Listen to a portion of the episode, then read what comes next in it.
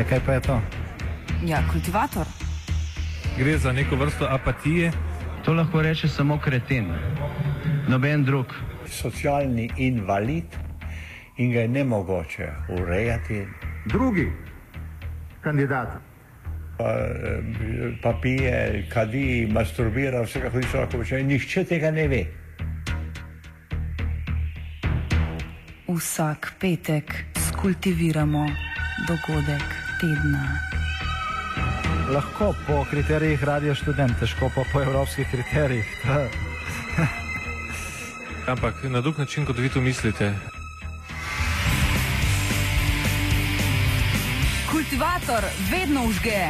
Da pač nekdo sploh omenja probleme, ki so in da pravzaprav sploh nekdo sproži dogajanje uh, v družbi. To drži, drži.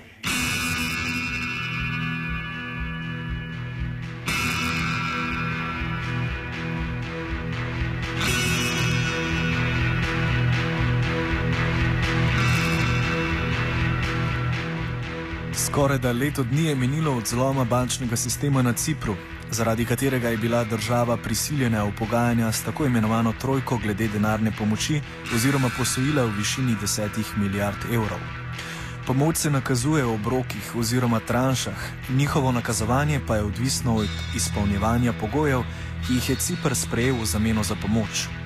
Eden od pogojev je tudi privatizacija nekaterih ključnih državnih podjetij, predvsem iz sektorja javnih storitev, kot so državno telekomunikacijsko podjetje, državni elektrooperater in pristanišče.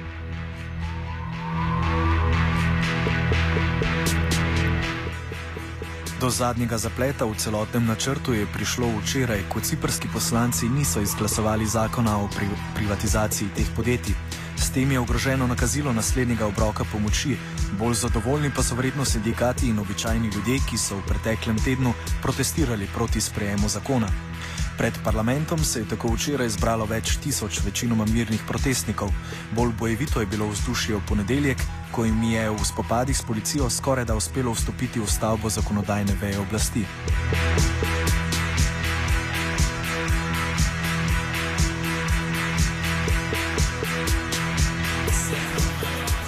Skoraj povedano, rahlo bolj plastično opiše direktor Ciprskega delovskega inštituta Pavlos Kalosinatos.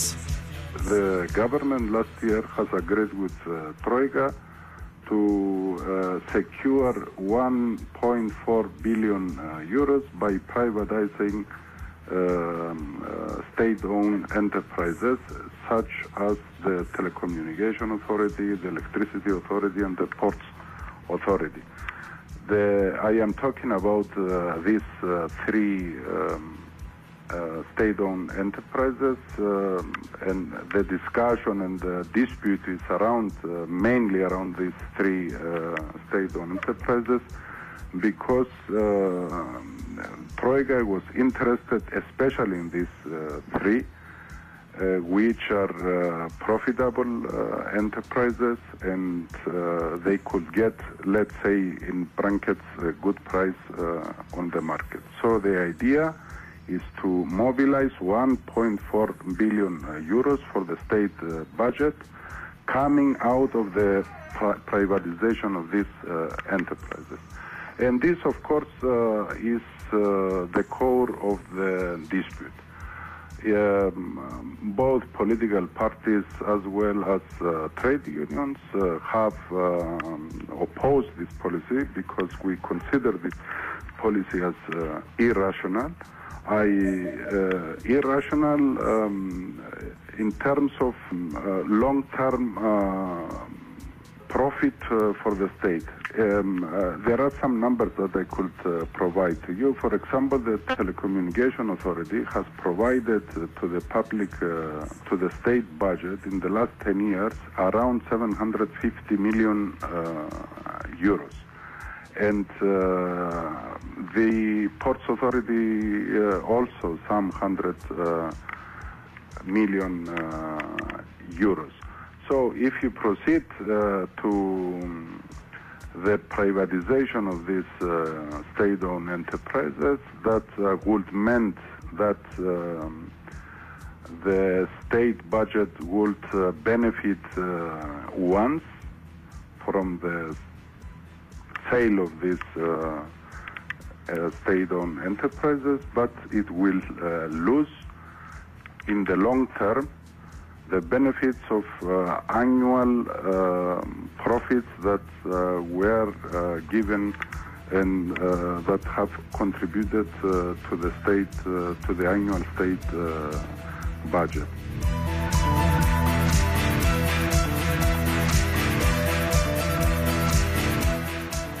Vsa tri ključna ciprska podjetja in večina državnih nepremičnin bi bila prodana za okoli 1,5 milijarde evrov. Da ne gre le za denar, ki bi ga država iz tega iztržila za poplačilo dolgov, priča dejstvo, da so omenjena podjetja ponudila vladi, da same priskrbijo pol drugo milijardo. To ni prišlo v račun, kar je za Kalosinatosa očiten dokaz ideološke pozicije vlade in trojke. You know, it is very interesting the fact that um, both Troika and the government they they admit that uh, for them it is not just privatizing and um, uh, getting some money for the state uh, budget. It is also an ideological issue that um, uh, these uh, state-owned enterprises they should be privatized because uh, this is how it should be, not just because they will get this 1.4 uh, billion uh, euros. You know, I am saying that because uh, these three state-owned enterprises they have elaborated a common proposal and they have submitted, they have submitted this proposal to the government, um, uh, which uh, propose the content of this proposal was that these three state-owned enterprises undertake their responsibility to mobilize this uh, to find uh, this 1.4 uh, billion uh, euros and submit this and give this to the um, to the state with a precondition that the the status, the legal status of these enterprises wouldn't change.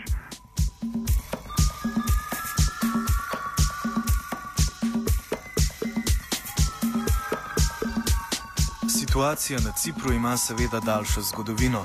Vezana je predvsem na v preteklosti zelo razbohoten bančni sektor, pri čemer nam je status Cipra kot davčne oaze vsem znan. Več o tem v nadaljevanju vdaje.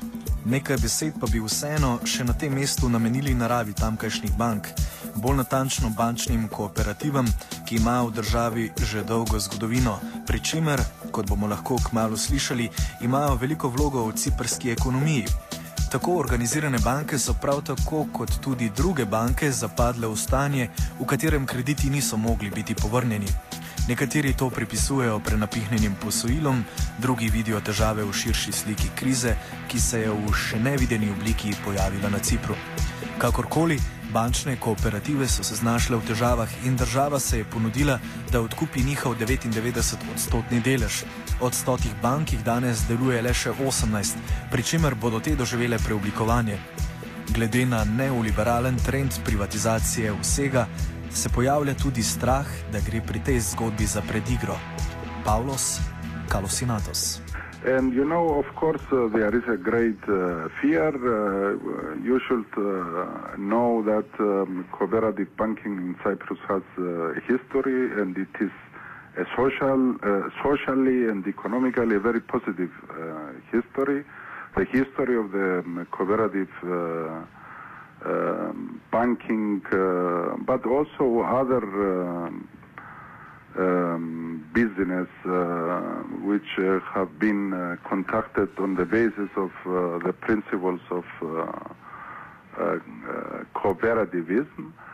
Um, um, they go back, uh, they, they have 100 years uh, history. You know, the, first uh, cooperative bank was found in Cyprus in 1910, even in the times of the colonial, British colonial rule. And you know, it is not uh, an exaggeration to say that uh, 70% of uh, the real estate in uh, Cyprus. Uh, they have been built with uh, credits uh, taken to mm, uh, socially uh, good and fair conditions of cooperative banks. And of course, and these cooperative banks, they belonged to their members, and their members, they didn't have any share on the profits of these banks, but the, the banks, they, these cooperative banks, uh, they return their profits back to the community by supporting activities, by providing uh, services accessible to the people of the community, uh, but uh, also by expanding uh, their activities and providing their uh, services to even better conditions. Now we, we, we, we are missing this. Uh, uh, the presence of uh, cooperative uh, banks on Cyprus, and we have the fear that uh, the next uh, step, maybe in a couple of years, um, of the government, it will be to sell out the private sector its shares of on the cooperative banks, which would mean actually the privatizations and to- total uh, abandonment of uh, the cooperative banking uh, principle.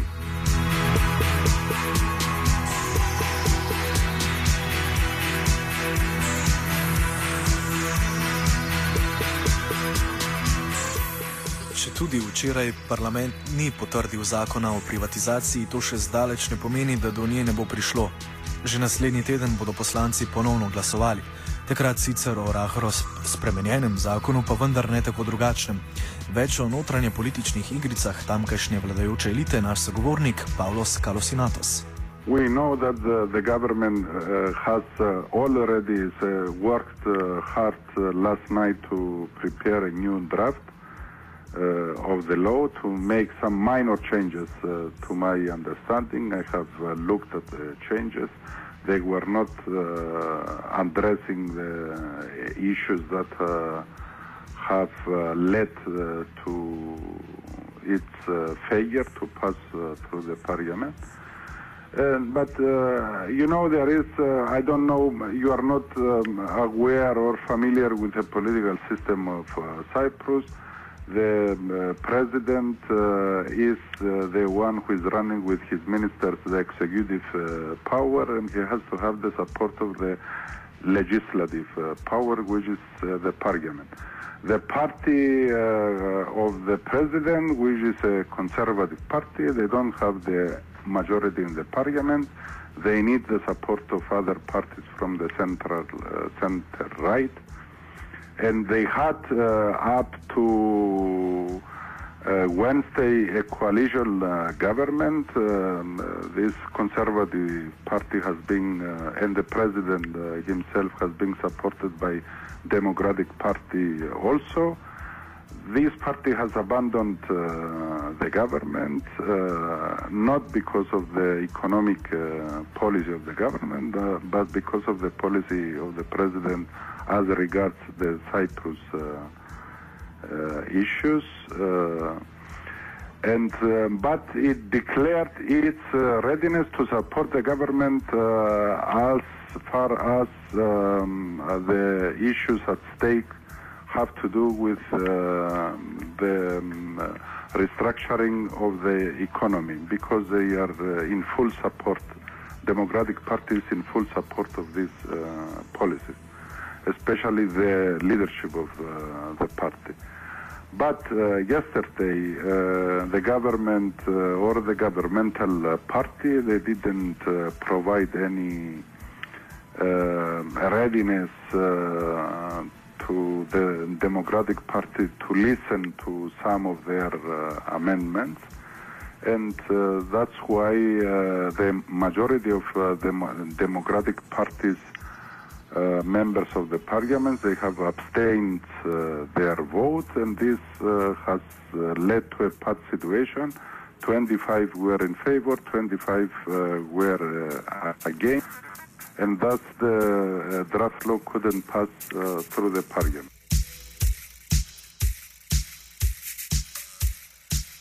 Ob izbruhu bančne krize na Cipru je nemška kanclerka Angela Merkel pozvala k spremembi ciprskega poslovnega modela. V mislih je seveda imela davčne ugodnosti, ki so jih bili deležni državljani drugih držav na tem otoku. S pojavom vse splošne ekonomske in gospodarske krize v Evropski uniji se je namreč vzpostavilo vprašanje, kako preprečiti uhajanje kapitala v davčne oaze. Jure Stojan, gospodarski novinar časnika večer.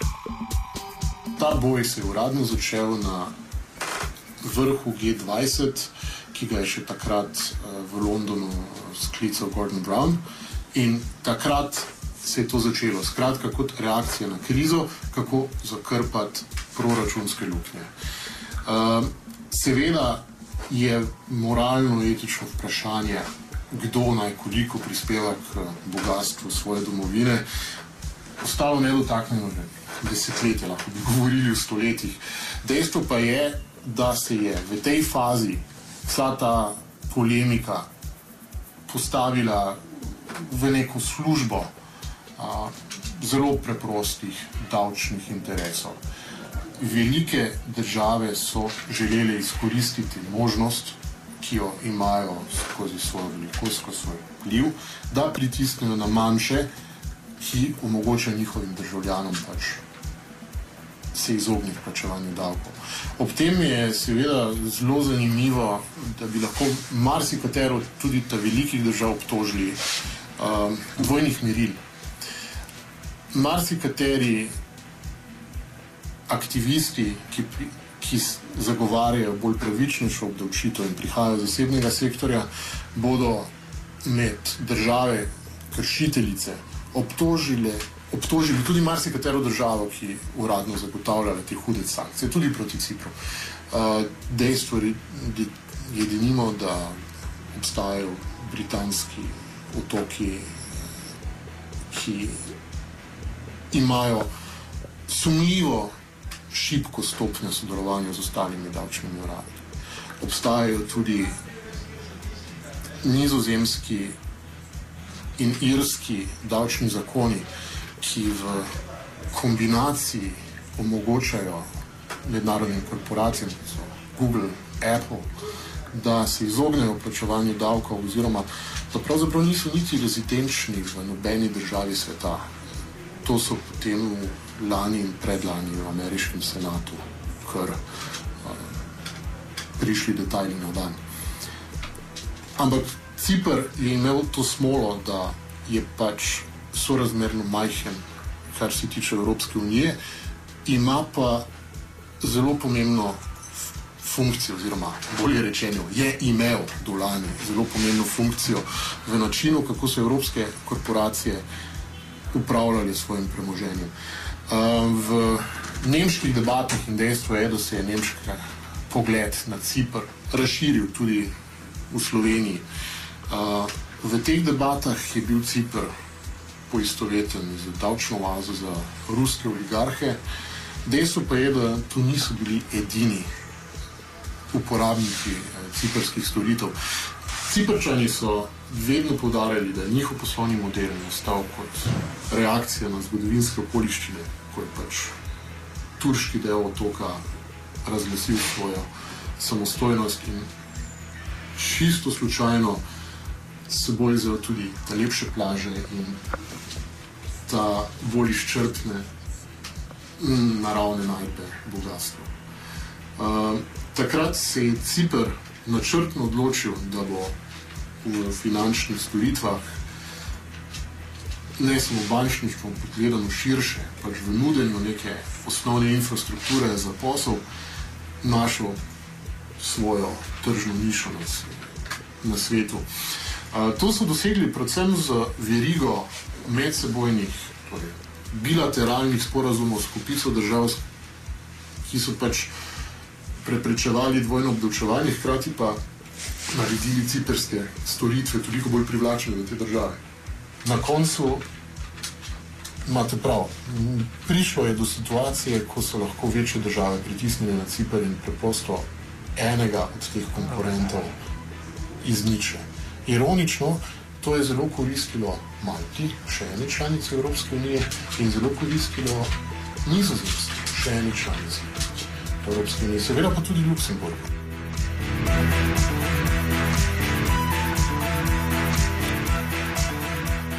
Politični odločevalci Evropske unije so po letu 2008 dosegli soglasje o nujnosti oblikovanja bančne unije. Z njenimi mehanizmi naj bi se v prihodnje izognili reševanju bank v težavah na račun davkoplač davkoplačevalcev. Postavlja se vprašanje, če ni Cipr in njegov bančni sektor kot majhna država z relativno nepomembnostjo za stabilnost evroobmočja pomenil nekakšno eksperimentalno polje pri oblikovanju in refleksiji mehanizmov bančne unije. Jure Stojan. Vsekakor ta teža, po mojem mnenju, drži. In pri Cipru je pač ta težava, da ko rečemo Cipr, pomislimo še na druge države, ki so bile v programu Trojke, pač predvsem na Grčijo, potem pa še na Irsko, Portugalsko, deloma tudi Španijo, ki so si dogovorili en svoj program. Seveda je res, Cipr je v programu, ampak kar se pa tiče eksperimentacije, pa Cipr spada bolj, bolj v družbo um, Danske, Nizozemske, pa ponovem tudi Slovenije. In sicer ključno vprašanje je, kdo naj plača reševanje banke, oziroma drugače, kdo od tistih, ki so v času pred propadom banke s to banko sodelovali, kdo naj bo kaznovan za to. Ker seveda po kapitalistični logiki vsak investitor mora paziti, s kom posluje. Če ne naredi domače naloge, utrpi izgube, naj ga kaznuje trg v obliki izgube. In prav to je tista točka eksperimentiranja. Kako daleč se lahko za nazaj uveljavi tale kazen. In Danska je med prvimi uvedla sistem, da morajo v reševanju bank s svojim denarnim vnosom sodelovati tudi upniki banke. Zdaj, to je pogajanje ne, med eh, tako imenovano trojko in med ciprskimi oblastmi, to je dobesedno se potekale preko vikenda. Ja. Eh, vemo, da so ciprski eh, politiki so govorili, da so dobesedno se s pištolo na glavi Ja. pogovarjali. Ne. V kakšne koncesije pravzaprav je bila prisiljena, je bil prisiljen Cipr za, eh, za zameno za telih 10 milijard evrov pomoči ali pa posojila, kakorkoli to imenujemo. Ja, to je fejs pomembno se spomniti, da je ciprski del se zgodil v dveh fazah. Prvi, do prvega prišlo čez vikend, ko so finančni trgi izvedeli, na kaj so pristali. Um, so se zgodili veliki, veliki pritiski, Eh, ne na Cipr, ampak predvsem na Trojko, da naj vendarle upošteva določene kriterije. Ključno je pač bilo vprašanje, ali je pravično, da svoj denar izgubijo tudi običajni varčevalci, tisti, ki bi morali biti zaščiteni, ker po evropski zakonodaji so vloge do 100 tisoč evrov pač zaščitene. In prvi sporazum je prekršil tudi tole. In pač javni protesti so bili tako veliki, da na koncu tudi ciprski parlament ni podprl te prve uh, rešitve in se je potem v zgolj nekaj dneh oblikovala drugačna rešitev, ki ni zajemala vseh varčevalcev v državi kot neke vrste davek, ampak je zajemal samo nezaščitene varčevalce, torej tiste, ki imajo več kot 100 tisoč evrov in to na samo tistih bankah, ki jih je bilo treba reševati.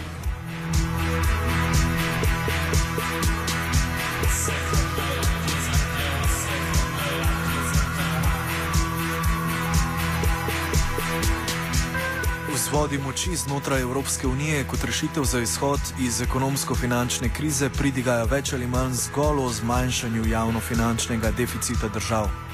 Razprodaja državnega premoženja skozi privatizacijo je zato poleg zmanjševanja javnega sektorja in socialnih transferjev stalno na prvem mestu ukrepov, ki naj bi jih države v težavah izpeljale po nareku trojke.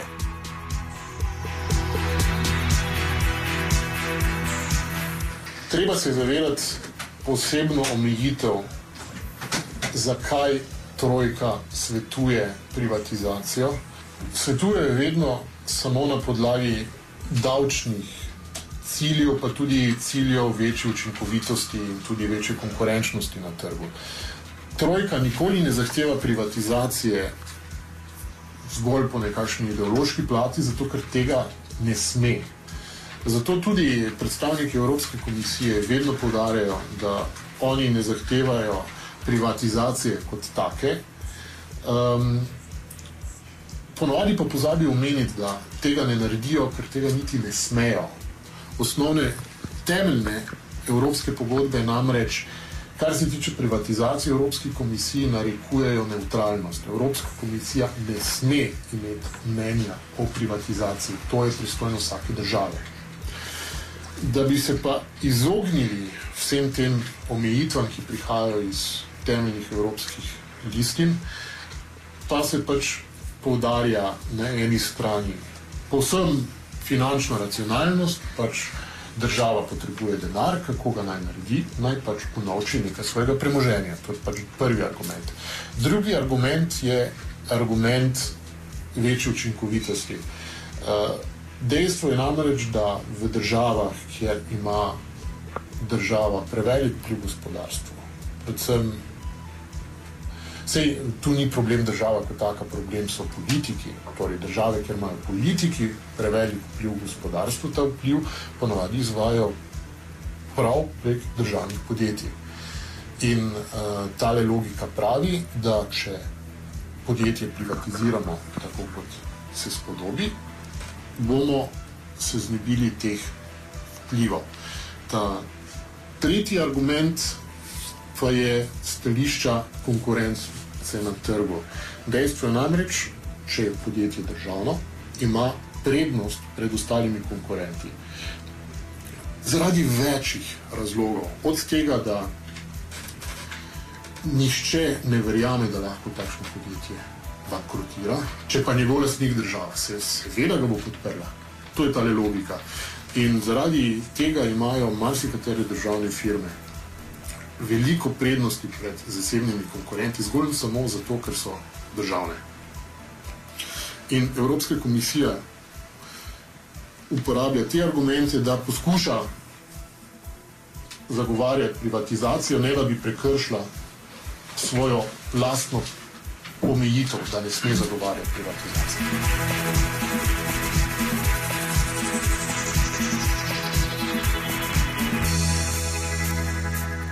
Prezgodaj je soditi, če bo včerajšnji dogodek v ciprskem parlamentu, ko so poslanci zavrnili privatizacijski zakon po nareku trojke, sprožil inovativnejše načine spopadanja s krizo. Glede na dosedanje izkušnje je pesimizem na mestu.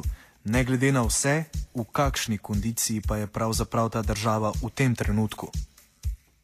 Veliko pove podrobnost iz vseh ekonomskih napovedi Evropske komisije in sicer, da bo Cipr skupaj z nami še edina država celotnega kontinenta, ki bo leto še vedno v recesiji.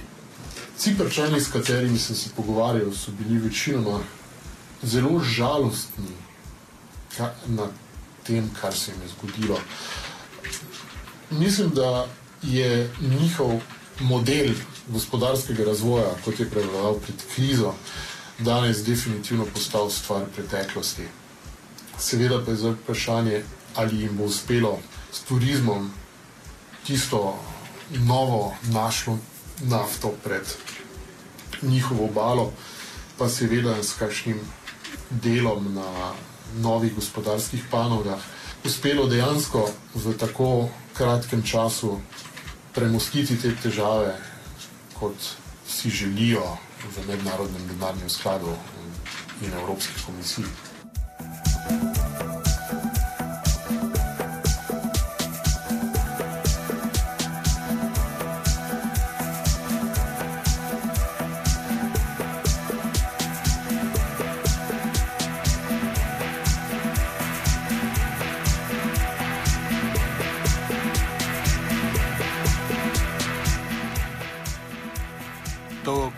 Κολάμπατορ σήμερα ετοίμασαν ο Γκρέγκορ Κούχαρ και ο Ταντέι.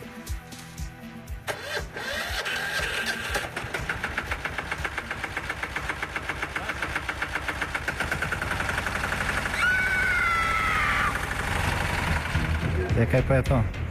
Ja, kultivator. Gre za neko vrsto apatije. To lahko reče samo kreten, noben drug. Socialni invalid in ga je nemogoče urejati. Drugi kandidat. Pa, eh, pa pije, kadi, masturbira, vse kako hoče, lahko počne. Nihče tega ne ve. Vsak petek skultiviramo dogodek tedna. Lahko po kriterijih radio študent, težko pa po evropskih kriterijih. Ampak na drug način, kot vi to mislite. Kultivator.